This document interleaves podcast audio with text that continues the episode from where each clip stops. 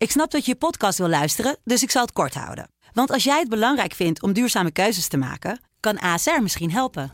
Nou hoor ik je denken, hoe dan?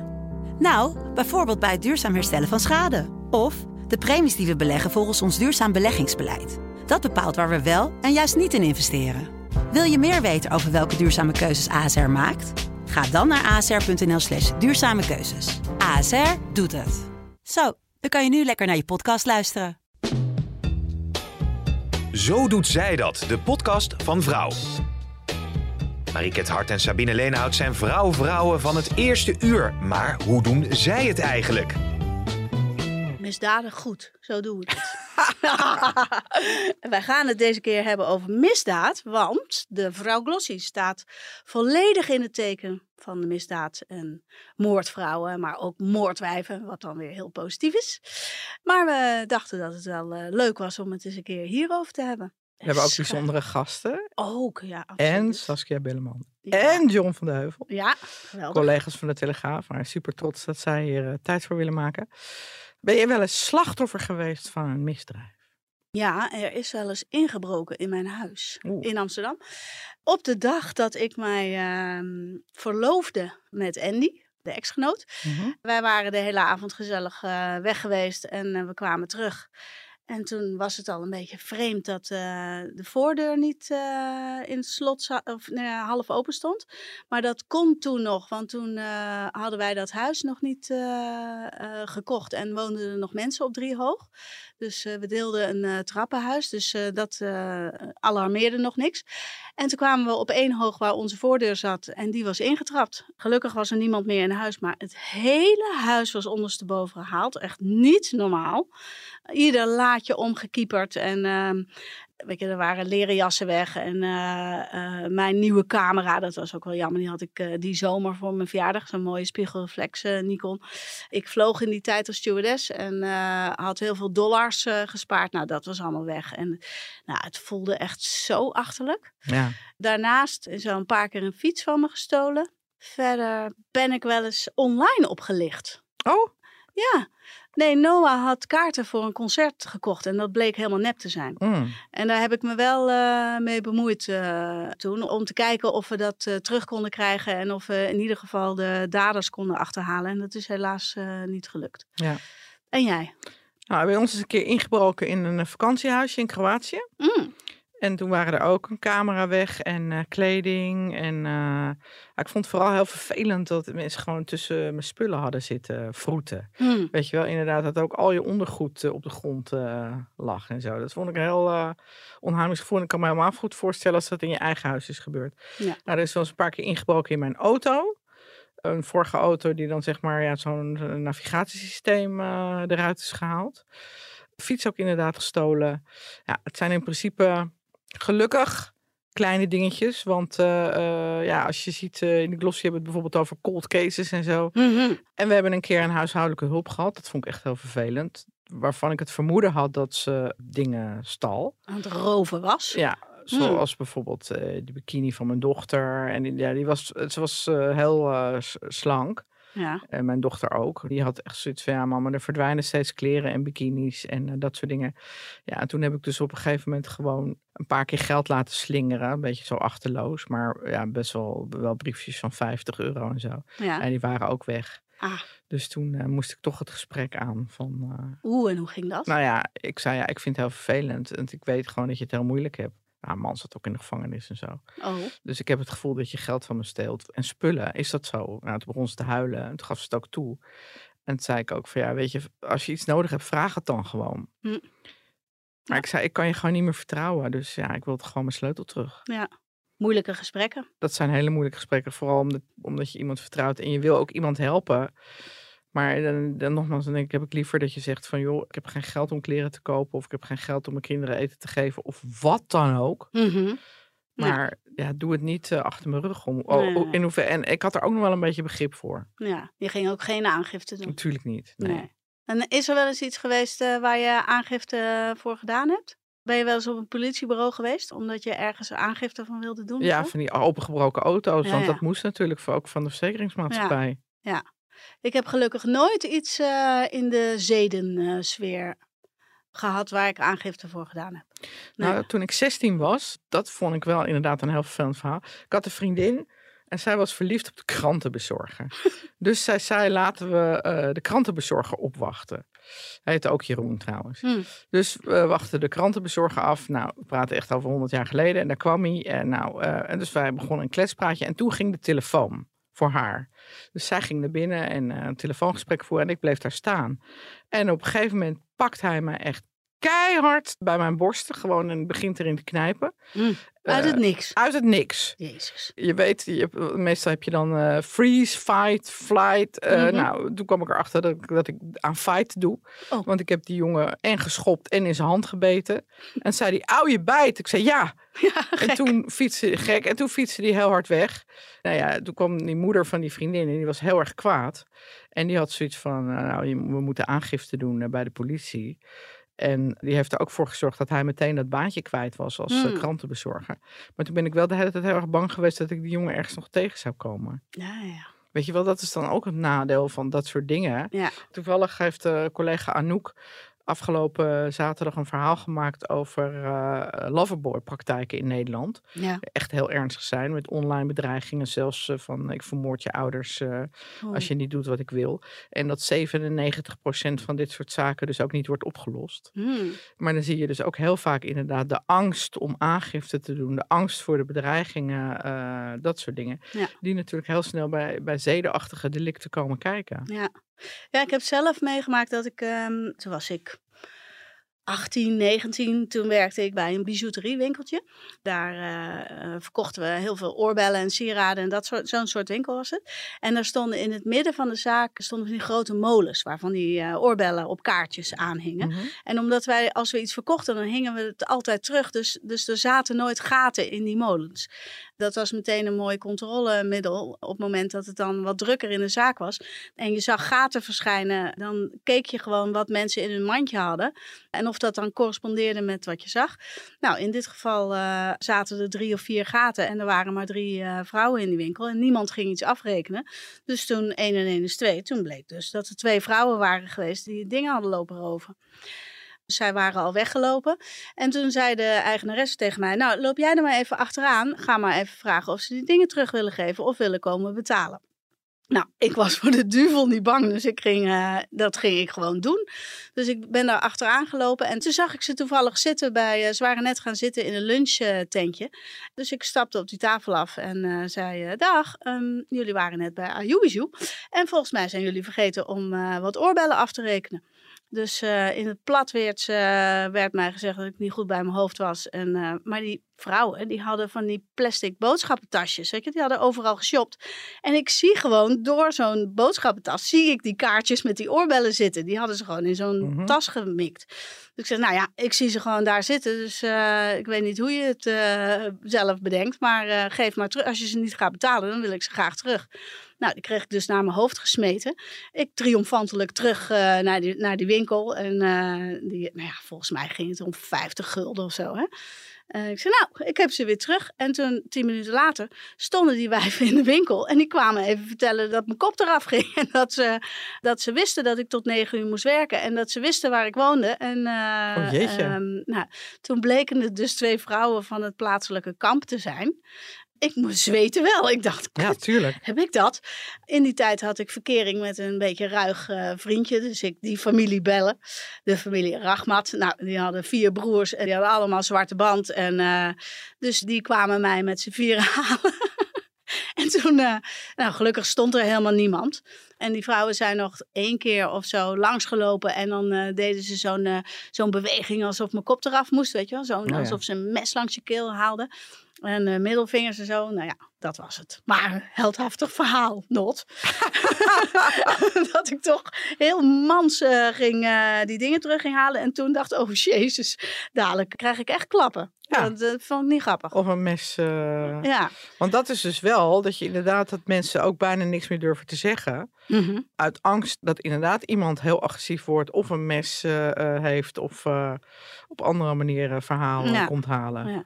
We hadden het net al gezegd, wij mogen uh, misdaad, of nee, uh, rechtbankverslaggever Saskia Belleman bellen. Ja, dat is leuk. Saskia Belleman. Dag Saskia, met Sabine. En met hallo. Hoi. Hey, jij hebt eh, voor onze nieuwe Glossy een, eh, een column eh, geschreven waar wij echt heel erg trots op zijn. Kun jij vertellen waar die over gaat? Ja, die gaat over een zaak die eh fors indruk op me heeft gemaakt. Dat was een, eh, een zaak waarin een, een hele oude dame, dik in de tachtig, werd verdacht van moord op haar dochter. En ja, eigenlijk niet eens verdacht. Het was duidelijk dat ze het had gedaan. Alleen die omstandigheden waren zo gruwelijk eigenlijk. Deze mevrouw was eh, licht aan het dementeren inmiddels. Heeft jarenlang zelf voor haar dochter met het syndroom van Down gezorgd. En ja, die dochter die heeft ooit op jonge leeftijd nog in een tehuis gezeten, omdat ze toen zelf nog niet zo goed voor haar kon zorgen. Maar ze kwam er op een dag achter dat het meisje werd misbruikt in die instelling. En ze heeft vanaf dat moment gezworen toen ze het ontdekte: ik neem haar mee naar huis, ik zorg voortaan zelf voor haar en ik laat haar nooit, nooit, nooit meer in een instelling achter. Nou, dat heeft ze gedaan, jarenlang voor haar gezorgd. Maar ja, inmiddels was ze hartstikke oud geworden. Er was een incidentje op straat waarbij ze ten val kwam, eh, niet meer kon, overeind kon komen. Mensen zagen dat, eh, hielpen haar en haar dochter om weer overeind te komen. En dat was voor hulpverleners een sein om toch eventjes langs te gaan bij ze en te vragen van, goh, kunnen we je misschien helpen om, om eh, de zorg voor je dochter wat lichter te maken? Kunnen we misschien dagbesteding voor haar organiseren? Iets anders misschien? En in diezelfde periode kwam er ook een brief op haar brievenbus, in haar brievenbus terecht van een rechtbank die de financiën voor haar dochter goed wilde regelen. Nou, alles bij elkaar in dat dementerende brein van deze mevrouw hoopte zich op en ja, ze raakte ervan overtuigd, ze willen mijn dochter in een instelling stoppen. En Ja. ik heb gezworen dat dat nooit zal gebeuren. Dan kan ze nog beter dood zijn. Ja. Nou, en dat heeft ze dus geprobeerd op meerdere manieren is ze haar dochter te lijf gegaan eigenlijk. Ze heeft geprobeerd haar polsen door te snijden. Ze heeft eh, slaapmiddelen in haar broodjes pindakaas gestopt. Ze heeft eh, geprobeerd haar te wurgen en te verstikken met een Ja. kussen op het hoofd. En, nou, het verhaal is te gruwelijk voor woorden. Ja. Uiteindelijk is het gelukt. En ze heeft toen ook nog geprobeerd om zelfmoord te plegen. Dat is niet gelukt. Ja, en in dat horrortafereel met een dode zus en een moeder die hevig bloedde, eh, kwam een andere dochter in huis en die ontdekte wat er gebeurd was. Mm. Hoe is dat uiteindelijk moeder afgelopen? moest natuurlijk voorkomen bij de rechter, want Ja. ze had haar dochter omgebracht. Ja. dan, dan zit je dus te kijken naar zo'n ontzettend breekbaar oud vrouwtje dat eigenlijk niet helemaal zich niet helemaal meer realiseerde wat, wat haar overkwam. En die moet dan voor de rechter verschijnen voor moord op haar dochter. Hartverscheurend was dat. En hoe is dat afgelopen? Nou, eigenlijk wel goed, omdat eh, ja, de rechters en ook de officier van justitie wel inzagen. Deze mevrouw heeft niet haar dochter willen doden omdat ze haar een kring vond of omdat ze van haar af wilde. Het was een daad uit liefde. En het Mhm. mocht natuurlijk niet, maar ze heeft zich niet gerealiseerd wat ze deed. Nee. Eh, ze was er gewoon niet helemaal meer bij. En ze heeft het echt gedaan met de beste bedoelingen van de wereld. Ja. Ja, en zo'n mevrouw de gevangenis insturen, dat doe je gewoon niet. Nee. En dat bleek ook. Nou, Eh, ze is uiteindelijk schuldig bevonden. Daar konden ze niet omheen, want ze had het gedaan. Maar zonder oplegging van straf. ja. En ja, dat was eigenlijk gewoon een hele goede afloop, zou je kunnen zeggen. Hey, en mag ik jou vragen hoe jouw, ehm, dit is jouw dagelijkse werk eh, om in, in de rechtbanken te zitten en eh, zware zaken bij te wonen. Heb jij nog wel een beetje vertrouwen in de mens? Jawel, omdat ik me toch voorhoud iedere keer weer dat het uitzonderingen zijn. En dat, dat is ook zo. Kijk, het merendeel van de mensen gaat gewoon op een normale manier met elkaar om. Ja. Maar soms gaat het mis. En ja, weet je, als het gaat om zaken met georganiseerde misdaad, daar heb ik wat minder vertrouwen in. En daar slaat de schrik me soms om het hart, omdat ik zie hoe ongelooflijk kil en cool en zakelijk mensen gewoon besluiten om andere mensen naar de andere wereld te helpen. Mhm. Maar het merendeel van de zaken eh, die ik doe, daar zitten geen criminelen in de verdachte bank. Daar zitten gewoon ja, mensen zoals, zoals jij en ik. Ja. En daar is iets gebeurd, er is kortsluiting ontstaan in die hersenen. Of er is een soort opeenstapeling geweest van ellende. Waardoor mensen opeens over een grens gaan en in staat blijken te zijn tot vreselijke dingen. Ja. Hey, nou heb ik, ehm eh, Marieke wees mij erop dat traditionele criminaliteit de laatste jaren afgenomen is. En toen ik Ja. dat opzocht, toen zag ik dat er een daling was van 43 procent vanaf eh, 2012. Is daardoor, wat jij dan wel in de rechtbank ziet, eh, zijn dat dan altijd heftigere zaken? Ja, ze zijn zwaarder geworden, dat is absoluut waar. Mhm. En er worden ook vaak meerdere dagen voor uitgetrokken, soms zelfs weken of maanden, dat je, dat je met dezelfde zaak bezig bent. omdat hij zo groot en zo omvangrijk is. Mhm. En verder, die statistiekjes, ik, ik geloof daar niet zo in, moet ik je eerlijk zeggen. Ik denk ook dat het gewoon te maken heeft met eh, ja, soms zaken die niet worden opgelost. En dat wil niet zeggen dat iets niet is gebeurd. Maar eh, ja, in de statistieken zie je hem niet meer terug bij rechtbanken bijvoorbeeld. Want ja, die verdachten die worden niet opgepakt. Dus ze zullen ook nooit in de verdachtebank belanden. Aha. En het is ook zo dat soms de aangiftebereidheid van mensen afneemt. Omdat ze denken, ja, wat heeft het voor zin? Er is toch geen capaciteit bij politie en justitie. Laat maar gaan, dan Ja. doe ik het maar niet. Ja. En dat is eigenlijk een hele trieste constatering. Hmm. Ja, dat is zeker een trieste constatering. Ja. Ja. Nou heb jij ook een eh, goed beluisterde podcast, De Zaak Ontleed, met Saskia Belleman. Dan ben ik de aankondigende stem. Dat is leuk. en ehm, eh, ik heb er vanmorgen weer een geluisterd die ik nog niet gehoord had. En die ging over de zwakzinnige moeder uit eh, Madagaskar die eh, haar babytje hier vlak naast het telegraafgebouw in een eh, container gedumpt had. Ja. Ehm, verdacht daarvan, laat ik het zo zeggen. Als ik dan zoiets beluister en eh, jou eh, hoor vertellen over dat eh, medische zwijgerecht en oh, Ja. de burger krijgt daar, wordt daar al gefrustreerd van. Ik kan me voorstellen dat er ook wel best wel wat frustratie binnen het politieapparaat is. Ja, oh, reken maar. Kijk, Ja. af en toe dan, dan zit bijvoorbeeld dat zwijgerecht of verschoningsrecht dat medische beroepsbeoefenaren hebben danig in de weg van eh, ja, de speurtocht van de politie naar de waarheid. Ja, hè? En dat, dat is ook inderdaad mateloos frustrerend. Dat je soms denkt van, oh, als die nou gewoon zouden kunnen vertellen wat ze weten, dan is het opgelost. Aan de andere kant snap ik ook wel weer waarom dat bestaat. Stel je voor hè, dat iemand een, een arts in vertrouwen neemt. eh, er is iets verschrikkelijks gebeurd, die zit er vreselijk mee. Neemt een arts in vertrouwen, waardoor die arts misschien nog op de een of andere manier kan proberen erger te voorkomen. Mhm. Ja, als, als iemand weet van, nou, die arts die stapt vervolgens naar de politie en die geeft mij aan, dan doen ze dat niet meer. En dat leidt dan ook niet meer tot de waarheid. Dus het is soms mateloos frustrerend. En aan de andere kant kan ik het me ook wel weer voorstellen. Omdat het misschien in deze ene zaak dan leidt tot een oplossing. Maar een heleboel andere zaken komen niet meer aan het licht. Omdat mensen, artsen, verpleegkundigen niet meer durven te vertrouwen. En nooit meer zullen vertellen wat er gebeurd is. Nee, nee, dat is dan eh, eh, begrijpelijk. En heb jij zelf wel eens te maken gehad met criminaliteit? Ben jij wel eens bestolen? Of eh, heb jij wel eens een boef in je huis gehad? Ja, ja, ja. Ik, eh, Oh. er, er zijn wel eens inbrekers in huis geweest. Ja, het is nooit erger geworden dan een paar jassen die zijn verdwenen. Maar even goed, hè, dat, dat gevoel, je moet veilig eh, zijn in je eigen huis. Dat gevoel moet je hebben. En dat, dat tast je gevoel van veiligheid wel aan, kan ik Mhm. je vertellen. Ja. Dat is niet leuk. En ja, laat staan als iemand in je huis komt en je aanvalt. Dat moet helemaal afschuwelijk zijn. Nou. Eh, omdat je gewoon zo in. Dat is, dat is je eigen domein. Daar moet je je veilig kunnen voelen. Daar moeten mensen je niet te nakomen. Dat het op straat een keer kan gebeuren. Ook niet leuk, maar dat weet iedereen dat dat eh, nou ja, misschien een keer kan gebeuren. Maar in je eigen huis, dat is het ergste wat je kan overkomen. Omdat je je daar niet meer veilig voelt. Mhm, Dat mhm. gevoel is gewoon meteen weg. En dat, is, eh, dat is heel erg. Ja. Ja. Hey, en afsluitend ben je momenteel nog bezig met iets bijzonders dat we binnenkort eh, kunnen gaan volgen? Nou, wij hebben ehm, alvast een podcast opgenomen. Dat is misschien wel heel leuk. Samen met Petra Urban. Dat is eh, mijn Oh. partner in crime, zou je kunnen zeggen. Eh, zij is onze rechtbanktekenaar. En ja, onbetwist de beste rechtbanktekenaar die er is in Nederland. En volgens mij ook internationaal. Ja. En die werkt voor ons. En wij trekken heel vaak eh, samen met elkaar op. We zitten in de auto op weg naar de rechtszaak.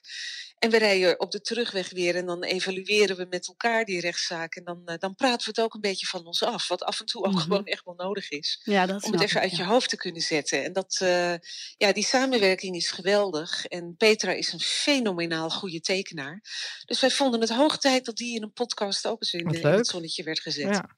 Oh, ja, want ik kan me nog wel voorstellen, Saskia, eh, af en toe hoor je zulke heftige dingen. Lig je daar dan niet wakker van? Nou, er zijn zaken die er wel erger in hakken dan andere hoor. Dat is zeker waar. Maar ja, de van wakker liggen doe ik niet echt. Eh, er zijn wel zaken die je altijd bijblijven. En dat nou ja, geldt bijvoorbeeld voor die zaak waar ik de column nu over Mhm. Dat is er een die gaat nooit meer uit mijn hoofd. Dat zie ik nog zo voor me, hoe dat allemaal ging en hoe dat eruit zag en wat daar is gebeurd. Dat maakt zo een vreselijk grote indruk op je. Ja. En dat, ja, dat geldt voor meer zaken, maar ja, lang niet voor alle. Nee. Dat heb ik je wel vaker horen zeggen in de podcast. Dat ehm, het, het beeld van de burger eigenlijk naar aanleiding van CSI of andere eh, Ja. crime-programma's. dat je denkt, nou je doet één druk op de knop en vloep. Je, eh, het, het moet eruit rollen. Dat Ja, dat toch Was het echt... maar zo simpel? Nou hè? Dat je een soort apparaatje hebt waar je gewoon alle informatie in stopt en aan de andere kant komt het antwoord eruit. Nou ja, zo werkt het dus niet. Nee. En, en heel veel mensen hebben inderdaad ook het idee dat het, het rechtssysteem in Nederland werkt zoals in Amerika. Dus ik krijg soms wel eens vragen, wanneer doet de jury uitspraak? Oh ja. Oké. Ja, die hebben wij hier dus niet. En Nee. eh, het, het Nederlandse rechtssysteem werkt heel anders. Ja. En zaken zijn wel openbaar, maar mensen ervaren toch een enorme drempel om zo'n rechtbank in te lopen. Weten ook niet precies welke zaken er spelen. Dus best lastig om dan een zaak uit te zoeken waar je naartoe zou willen, eh, naar willen gaan. Ja. Eh, maar het kan wel. In Ja, principe eh, is, is het meeste gewoon openbaar. Alleen zaken met minderjarigen en jeugd, zeg maar jeugdstrafrecht niet. En ook eh, ja, in, in bepaalde andere sectoren, zoals familiezaken, die zijn niet openbaar. Maar de meeste strafzaken zijn dat wel. En daar kun je dus gewoon bij gaan zitten. Ja. Maar als mensen dat eng vinden of te confronterend, dan kunnen ze het bij wijze van spreken ook vanuit hun leunstoel volgen. Want Hm. de zaken waar ik bij zit, die versla ik gewoon rechtstreeks via Twitter. En dat kun je gewoon meelezen. Ja. Ja, Ja, dat leuk. doe ik heel vaak. Ja, dat doe ik ook. Ja. Ja, heerlijk. Ja. Nou, ik ben in ieder geval eh, weer wat wijzer geworden. Ik en ook. dat vind ik leuk. Dankjewel voor je Leuk tijd. om met jullie te praten. Nou, dankjewel. En succes. Dag. Oké, dag, dag. Interessant hè? Ja, hè? Ik heb echt een geheugen als een zeef. Door dit soort gesprekken herinner ik me ineens dat ik ook wel eens eh, voor de rechter heb gestaan. Nee. Ja, Wat dan? toen had ik mijn kinderen volgens eh, de leerplichtambtenaar onrechtmatig eh, van school gehouden. En dat kwam omdat ik eh, met ze op vakantie was eh, op een IPB-ticket. Dat is indien plaatsen beschikbaar. Ik heb daar vorig jaar volgens mij al een beetje over verteld. Ik zou eigenlijk op zaterdag terugvliegen, op zondag thuis zijn. Die zaterdagvlucht die was helemaal rammetje vol. Dus we moesten het op zondag nog een keer proberen. Dat lukte gelukkig wel. En toen kwamen we op maandagochtend om 11 uur landen we. En mijn dochter is toen om 1 uur gewoon naar school gegaan. Een nacht niet geslapen en die wilde gewoon naar school. Dus die eh, lagere school, hè. Ze was acht. En Noah die moest naar de middelbare school, naar de brugklas. Die kwam dus ook pas eh, later eh, op school. Maar, en ik had ook al op zondag had ik beide antwoordapparaten ingesproken van de scholen. Om te vertellen dat dit het geval was en dat we dus te laat zouden zijn. Die scholen vonden het allebei nodig om de leerplichtambtenaar hierover in te lichten. Toen lag er dus een week later lag er een boete en een, ehm, een aantekening eh, eh, op mijn deurmat. Dat ik dus eh, in gebreken was gebleven om mijn kinderen, die aan de leerplicht moesten voldoen, naar school te sturen. Dat vond ik zo onrechtmatig. Toen ging ik bellen met die leerplichtambtenaar. Die zei toen letterlijk tegen mij: Dan had je ze maar ziek moeten melden. Nou, dat schoot helemaal fout. Toen dacht ik: Ik word hier op mijn tevens op mijn pedagogische plicht aangesproken. Hè? Want ik moet mijn kinderen naar school brengen. Dan is er ook nog de leerplicht, waar ik me aan als inwoner van Nederland aan moet houden. En vervolgens gaat zo'n leerplichtambtenaar tegen mij zeggen: dan had je ze maar ziek moeten Had je melden. eigenlijk maar moeten liegen. Had ik maar En moeten tegen liggen. die kinderen moet zeggen: nee, schat, je was niet op vakantie, je was ziek. Ja, precies. Dus daar werd ik zo heftig van dat ik tegen haar zei: eh, Weet je wat, ik ga dit voor laten komen en ik ga dit winnen ook, want je bent niet goed bij je plaat. Toen moest ik dus voor de rechter verschijnen. Het OM zat daar ook bij en eh, ik doe mijn verhaal. Ik, ik vertel dus eerlijk wat er aan de hand is. Ik vertel ook eerlijk dat het, dat het aan mij ligt dat ik een indien plaats beschikbaar ticket heb. Hè, Mhm. waar ik, eh, eh, maar voor hetzelfde geld had dat een gewoon ticket kunnen zijn. Nou ja, je ziet nu met alle Schiphol-problematiek dat luchtvaartmaatschappijen gewoon je vlucht kunnen cancelen. Dus dat had ook kunnen gebeuren. Maar dat vervolgens iemand die bij machten is om mij te kunnen berechten, mij dan zegt dat ik mag gaan liegen. Nou, daar was ik het zo mee oneens. En daar was die rechter het helemaal mee eens. Dus de boete werd kwijtgescholden. Hij kon niet het, ehm, dat ik me niet aan de leerplicht hield. Daar kon hij niet onderuit. En toen zei hij ook nog dat hij hoopte dat het een beetje binnenskamers bleef. Nou, toen zei ik, nou, ik weet niet of dat gaat lukken, want kijk maar even waar de e-mails vandaan komen. Nou, dat was dus s.leenhouts.telegraaf.nl. Dus toen eh, hadden we nog even een lachend eh, moment in die rechtbank. Maar ik was wel van die, eh, ik had het wel gewonnen. Ja. Daar was ik blij mee ook. En ik heb er ook toen een column eh, voor jou voor geschreven, over geschreven. Omdat ik echt niet vond eh, dat, eh, dat dit op deze manier kon. Mm. Misschien is het wel een mooi sprongetje naar de opgewicht om te kijken hoe crimineel we zelf eigenlijk zijn. Oeh. Opgebiecht. Nou, Marieke, ben jij een rover? Nee, ik ben eigenlijk heel erg braaf. Ik rij zelfs nooit te hard. Jij misschien ik wel. stee vast, ja. precies. Mm. Dus krijg je er wel eens boetes voor? Eh, ja, ik kreeg toevallig vorige week een boete. Maar dat is dan voor drie kilometer te hard. Daar heb ik net niet goed genoeg opgelet. Oh ja. Ja. Nee, dus eh, ik moet zeggen, als student eh, reed ik wel vaak zwart. Oh, In Amsterdam, in de tram en in de metro en Mhm. dat soort dingen. ja. En dan had ik zoiets van, ik, heb het er, ik had maar een klein beetje studiefinanciering en dan had ik het er gewoon niet voor over. Om, en ik had dan ook wel uitgerekend dat als ik één keer in de zoveel tijd werd gepakt, dat al die keren dat ik dan gratis reisde, dat dat er tegenover stond. Maar vanaf het moment dat ik gewoon een baan had, eh, heb ik gewoon keurig altijd eh, betaald eh, voor Ja. het OV. En toen ik een jaar of 15 was, denk ik, ben ik een keer gepakt bij het stelen van een pakje sigaretten. Het was een zondagmiddag, het was bij het plaatselijke benzinestation. Ja, ik rookte toen en ik vond sigaretten duur. En ik heb eh, zo'n pakje gepakt en in mijn zak gestopt. En toen voelde ik een hand op mijn schouder. Dat was dus van die eigenaar, of in ieder Mhm. geval van die man die daar in die pomp werkte. Dus die eh, zei, eh, haal je zakken maar leeg. Oké. Dus ik haal zo dat pakje, hoe heet het, Marlboro eruit en ik geef dat aan hem. En hij zegt, nou oké, en nou oprotten en laat me je nooit meer zien. Oké. Dus ik je kwam er heel goed vanaf. vanaf gekomen. want ik had een hele strenge ouders. En die Ik waren ook. echt niet blij geweest als ik eh, was gepakt bij het stelen. En daarna heb ik nooit meer iets gestolen. Want, eh, en ik ben ook nooit meer in dat pompstation geweest. Het heeft heel goed geholpen dat die man eh, mij zo streng toesprak. Ja. Ik ben ook wel rechtschapen Ja, opgevoed dat heb hoor. ik ook. En ik vind ook dat je met je vingers van andermans spullen af moet Ik heb blijven. dus, weet je, dan- Nee. ja, andere mensen werken daar ook hard voor. En eh, dus ik heb zoiets van ja, Ja. ik vind het gewoon echt niet kunnen dat je gewoon, eh, zelfs niet in winkels, dat je spullen van anderen zet. Ik, heb, ik moet er nog wel ineens aan denken dat ik was, eh, toen was Vincent, die was anderhalf en die zat in het kinderwagentje. En toen was ik bij de Livera. Toen ging ik naar buiten en toen ging het alarm af. En toen bleek dat mijn zoon had een BH in zijn handen, in knuisjes. zijn knuisjes.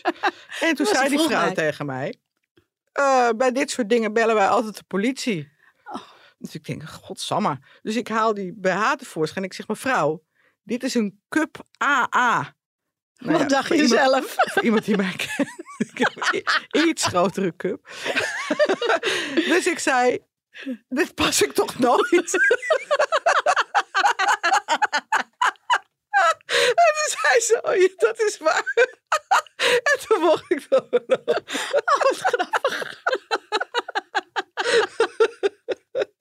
Misschien moeten we even naar de Zo doet hij dat. Ja. John van de Heuvel. Kom maar Daar in. hoef ik hem er verder niet uit te leggen. Zo doet hij dat. Hoi Sabine en Marieke, hier even een berichtje van mij. Want jullie wilden wat meer weten over de verschillen tussen mannen en vrouwen als het aankomt op criminaliteit. Nou, er zit eigenlijk best wel veel verschil tussen, moet ik zeggen. Ja, mannen zie je met name in de gevangenis zitten voor eh, geweldsdelicten. Althans, daarbij zijn ze eh, veruit in de meerderheid als het gaat om de vergelijking met eh, vrouwelijke gedetineerden. En mannen zitten veel vaker vast dan vrouwen als het gaat om georganiseerde misdaad. En dan moet je dus denken aan grootschalige drugshandel, witwassen, deelname aan een criminele organisatie, motorbendes en dat soort delicten. Daar zie je eigenlijk bijna nooit vrouwen voor veroordeeld worden. Nou, betekent dat nou dat vrouwen zoveel slimmer zijn of dat die misschien beter door de mazen van de wet kunnen glippen? Ja, ik denk het eerlijk gezegd niet. Ik denk dat de onderwereld toch nog vaak, eh, heel vaak een echt een mannenbolwerk is. Waar je daarentegen wel weer veel vrouwen voor gedetineerd ziet zitten. Dus vrouwen die zijn opgepakt of veroordeeld zijn en in de gevangenis zitten. Dat is dan eh, voor vermogensdelicten. Dan moet je denken aan diefstal, eh, verduistering en dat soort zaken. En ze komen dus heel vaak in beeld bij eh, drugsonderzoeken, grootschalige drugsonderzoeken, maar dan als smokkelaars. Dus heel veel vrouwen, met name uit Zuid-Amerika, worden gebruikt als, ja, dat noemen ze oneerbiedig, pakezels. Vrouwen die dus worden ingezet om uitwendig of inwendig drugs te smokkelen, cocaïne vaak vanuit Zuid-Amerika, Colombia, Peru, noem maar op. En als je kijkt naar de vrouwengevangenissen in Nederland, dan zit een groot deel van de vrouwen die vastzitten voor uh, strafbare feiten die zitten voor dat soort drugsmokkel. Nou, dus al met al eigenlijk uh, kun je eigenlijk wel stellen dat de emancipatie in de onderwereld heel ver te zoeken is. Ja. Ik dacht eigenlijk dat vrouwen eerder voor van die passionele moorden of zo, uh, zo'n crime passionnel, dat vind ik heel erg bij vrouwen passen. Nee, je kijkt echt te veel tv. Oké. dat is natuurlijk voor de, voor de, ja, dat is natuurlijk altijd leuk voor, voor films als vrouwen dat doen. Ja. En dat gebeurt ook in heel veel thrillers, Ja. waar vrouwen overigens wel eh, dol op zijn. Maar ik ben toch bang dat het allemaal wat, eh, wat meer is zoals eh, John, John vertelt, voorstelt. En inderdaad vrouwen die zich laten gebruiken ja, om snel veel geld te verdienen of om hun vriendje te pleasen. Ja, En waar, net, waar we het net ook al over hadden, over natuurlijk de loverboy eh, praktijken. Mhm. En inderdaad begreep ik ook wel eens dat eh, wat vrouwen dus veel meer doen. En wat wij, waar wij onszelf natuurlijk ook schuldig aan hebben gemaakt, is dus winkeldiefstal. ja, van die kleinere dingen. Ja. Wat Saskia ook al zei, dat als je de verhalen erachter kent, hè, dat je heel vaak ook nog wel begrip op kunt brengen voor bepaalde criminele acties. Eh, als je eh, eten steelt of eh, je duikt eh, onder die armoedegrens, ook in Nederland. En eh, dat je dan eh, ja, die kant op gaat om dan toch wat voor je kids eh, op tafel te krijgen. Hey, en is er ook nog eh, een taboe wat jou betreft op dit onderwerp? Het zo doet zij dat. Taboe. Een aantal jaar geleden was het eh, met name onder de mannen van mijn vaders generatie. Was het volkomen normaal om te veel te drinken op een verjaardag en daarna rustig in de auto te stappen. Ja, ja. Ik merk dat dat eigenlijk bij mijn eigen generatie eh, minder wordt. Ja. Dat mensen echt wel zeggen, ik, ik, nee, ik, ik drink niet of ik drink één drankje, eh, want ik moet nog rijden. Ja. En gelukkig maar. Ja. Want ik heb echt wel gehad dat het vaders, ooms, dat soort dingen, dat ik echt dacht van, hé, hey, je bent toch met de auto. Je schenkt het ene biertje na het andere eh schenk je in. Ja. En ook wel eens dat ik tegen iemand van die generatie heb gezegd van, ik wil niet dat mijn kinderen met jou meerijden. Nee. Of bij jou in de auto stappen, want je hebt gewoon te veel gedronken en dat dat tot boze reacties leidt. Ja. ja, ik denk dat er binnen, binnen gezinnen, binnen families ook een enorm taboe kan liggen op zedenmisdrijven. Ik ken helaas verhalen van eh, eh, waar opa's aan kleinkinderen hebben gezeten. En omdat het dan toch de vader van een van de ouders eh, betrof, wordt daar niet eh, tegen opgetreden zoals je tegen een vreemde op zou treden. Dus ik vermoed dat daar eh, echt een taboe ligt. Dat je geen aangifte doet eh, tegen die pleger. Dat je daar misschien binnen het familiesysteem je eigen eh, straf in uitvoert. Dus dat je nooit meer naar die opa en gaat. Of eh, nou ja, eh, doe wat je wil. Maar dat er geen aangifte wordt gedaan. Maar ik denk überhaupt dat misschien nog om dronken autorijden of te hard rijden. Mhm. Te hard rijden is ook niet echt een taboe. Nee. Maar dat bijna alles, bedoel, ik, ik denk ook niet dat heel veel mensen zeggen, nou ik ben ontslagen want ik heb mijn baas opgelicht. Nee. Of ik heb gestolen of wat dan ook. Dat bijna om alle criminaliteit is een taboe wat je niet veel vertelt. Nee, als, je, als het jezelf betreft. Ja. Ja, zeker. Of je Ja. partner. Of je kind. ja, je zou eerder nog zeggen dat je de belasting opgelicht hebt dan dat je iets eh sneakies in je baan gedaan hebt. Ja. Ja. Dus ik denk dat er sowieso omtrent het plegen van criminaliteit, dat daar enorm eh, taboe op rust. Wat voor criminaliteit het dan ook is. Ja, Nou ja. zijn we het lekker eens? Goh, nou. Maar ik zou zeggen, eh, de Glossy eh, ligt nu in de winkel. Ja, eh, met uh, Hadewig Minus op de cover. Ja. En, eh, nou speelde ja, ooit in Moordwijven. Precies. Nou ja, er staan echt eh, naast de column van eh, Saskia Belleman staan er echt heel veel leuke dingen. Dus ik kan je aanraden om eh, te kopen. Ja, leuk. Ja, leuke dingen, maar ook tragische dingen. Want die, die vijf cold cases eh, die Marielle Wisse in samenwerking met eh Mick van Wely en John van Heuvel gemaakt heeft. Poeh, dat zijn aangrijpende verhalen. Van vermissingen en moorden, onopgeloste moorden. En ehm, ja, Waarvan je echt hoopt dat dat jou nooit treft. nee, zeker. En Ja. dat het ergens ooit nog wel dat er wat opheldering komt. Dat begrijp ik wel hoor. Dat mensen daarna blijven zoeken. Natuurlijk. Als je kind kwijt is bijvoorbeeld. Dat verandert je leven echt zo heftig. Een, een Ja. doodkind is al heel erg. Maar dat je dat dan zeker weet. Maar eentje waarvan je niet weet of hij of zij nou wel of niet leeft. Oh, lijkt me zo erg. Mhm. Ja, hè? Ja, Ja. heel erg. Nou ja. Nou, dank voor het luisteren. Ja, Tot de volgende keer. En eh, vergeet ons niet een paar sterren te geven in je favoriete podcast app. Doeg! doeg doeg.